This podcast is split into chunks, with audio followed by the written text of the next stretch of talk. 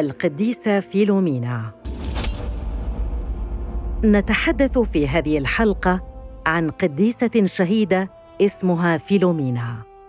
في القرن الثالث ميلادياً وأثناء حكم الملك دقليديانوس كان والد القديسة فيلومينا أميراً لدولة في اليونان. لم يكن هو وزوجته يعتنقان المسيحية كما وأنهما لم يتمكنا من الإنجاب لمدة طويلة.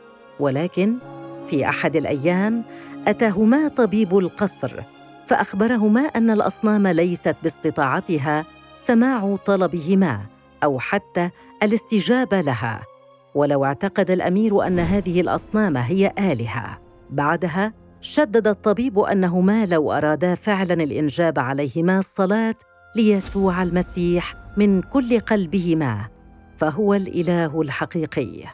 وبالفعل آمن الأمير وزوجته الأميرة وبعد مرور فترة وجيزة تحققت أمنيتهما واستجيبت صلواتهما فعندها رزقا بطفلة اطلقا عليها اسم فيلومينا والتي تعني ابنة النور. علماها كل ما عرفاه عن يسوع المسيح. وعندما أصبحت فيلومينا في الثالثة عشرة من عمرها اندلعت الحرب وكان والدها متوترا بسبب عدم قدرة جيشه على الاستمرار في الدفاع عن الدولة. فقرر السفر إلى روما بهدف الطلب من الملك جيشا أكبر ليتمكن بفضله الأمير من الفوز في الحرب وأخذ معه زوجته وابنته فيلومينا. رحب بهم الملك دقليديانوس ومذ رأى الفتاة الشابه أعجب بجمالها على الفور وعرض على الأمير مساعدته في حال سمح له بالزواج من ابنته. لكن موقف فيلومينا كان صعبا وهي حزنت لأنها كانت قد أحبت الرب من كل قلبها وأرادت أن تكرس حياتها له. فهرولت عندها للصلاة متضرعة طالبة من الله السماح لها بالتغلب على طلب الملك. عندها طلب الملك أن يقابلها على انفراد. وعرض عليها من جديد الزواج لكنها رفضت وأخبرته أن حياتها ملك الرب يسوع. بالطبع لم يكن هذا هو الجواب المنتظر منها.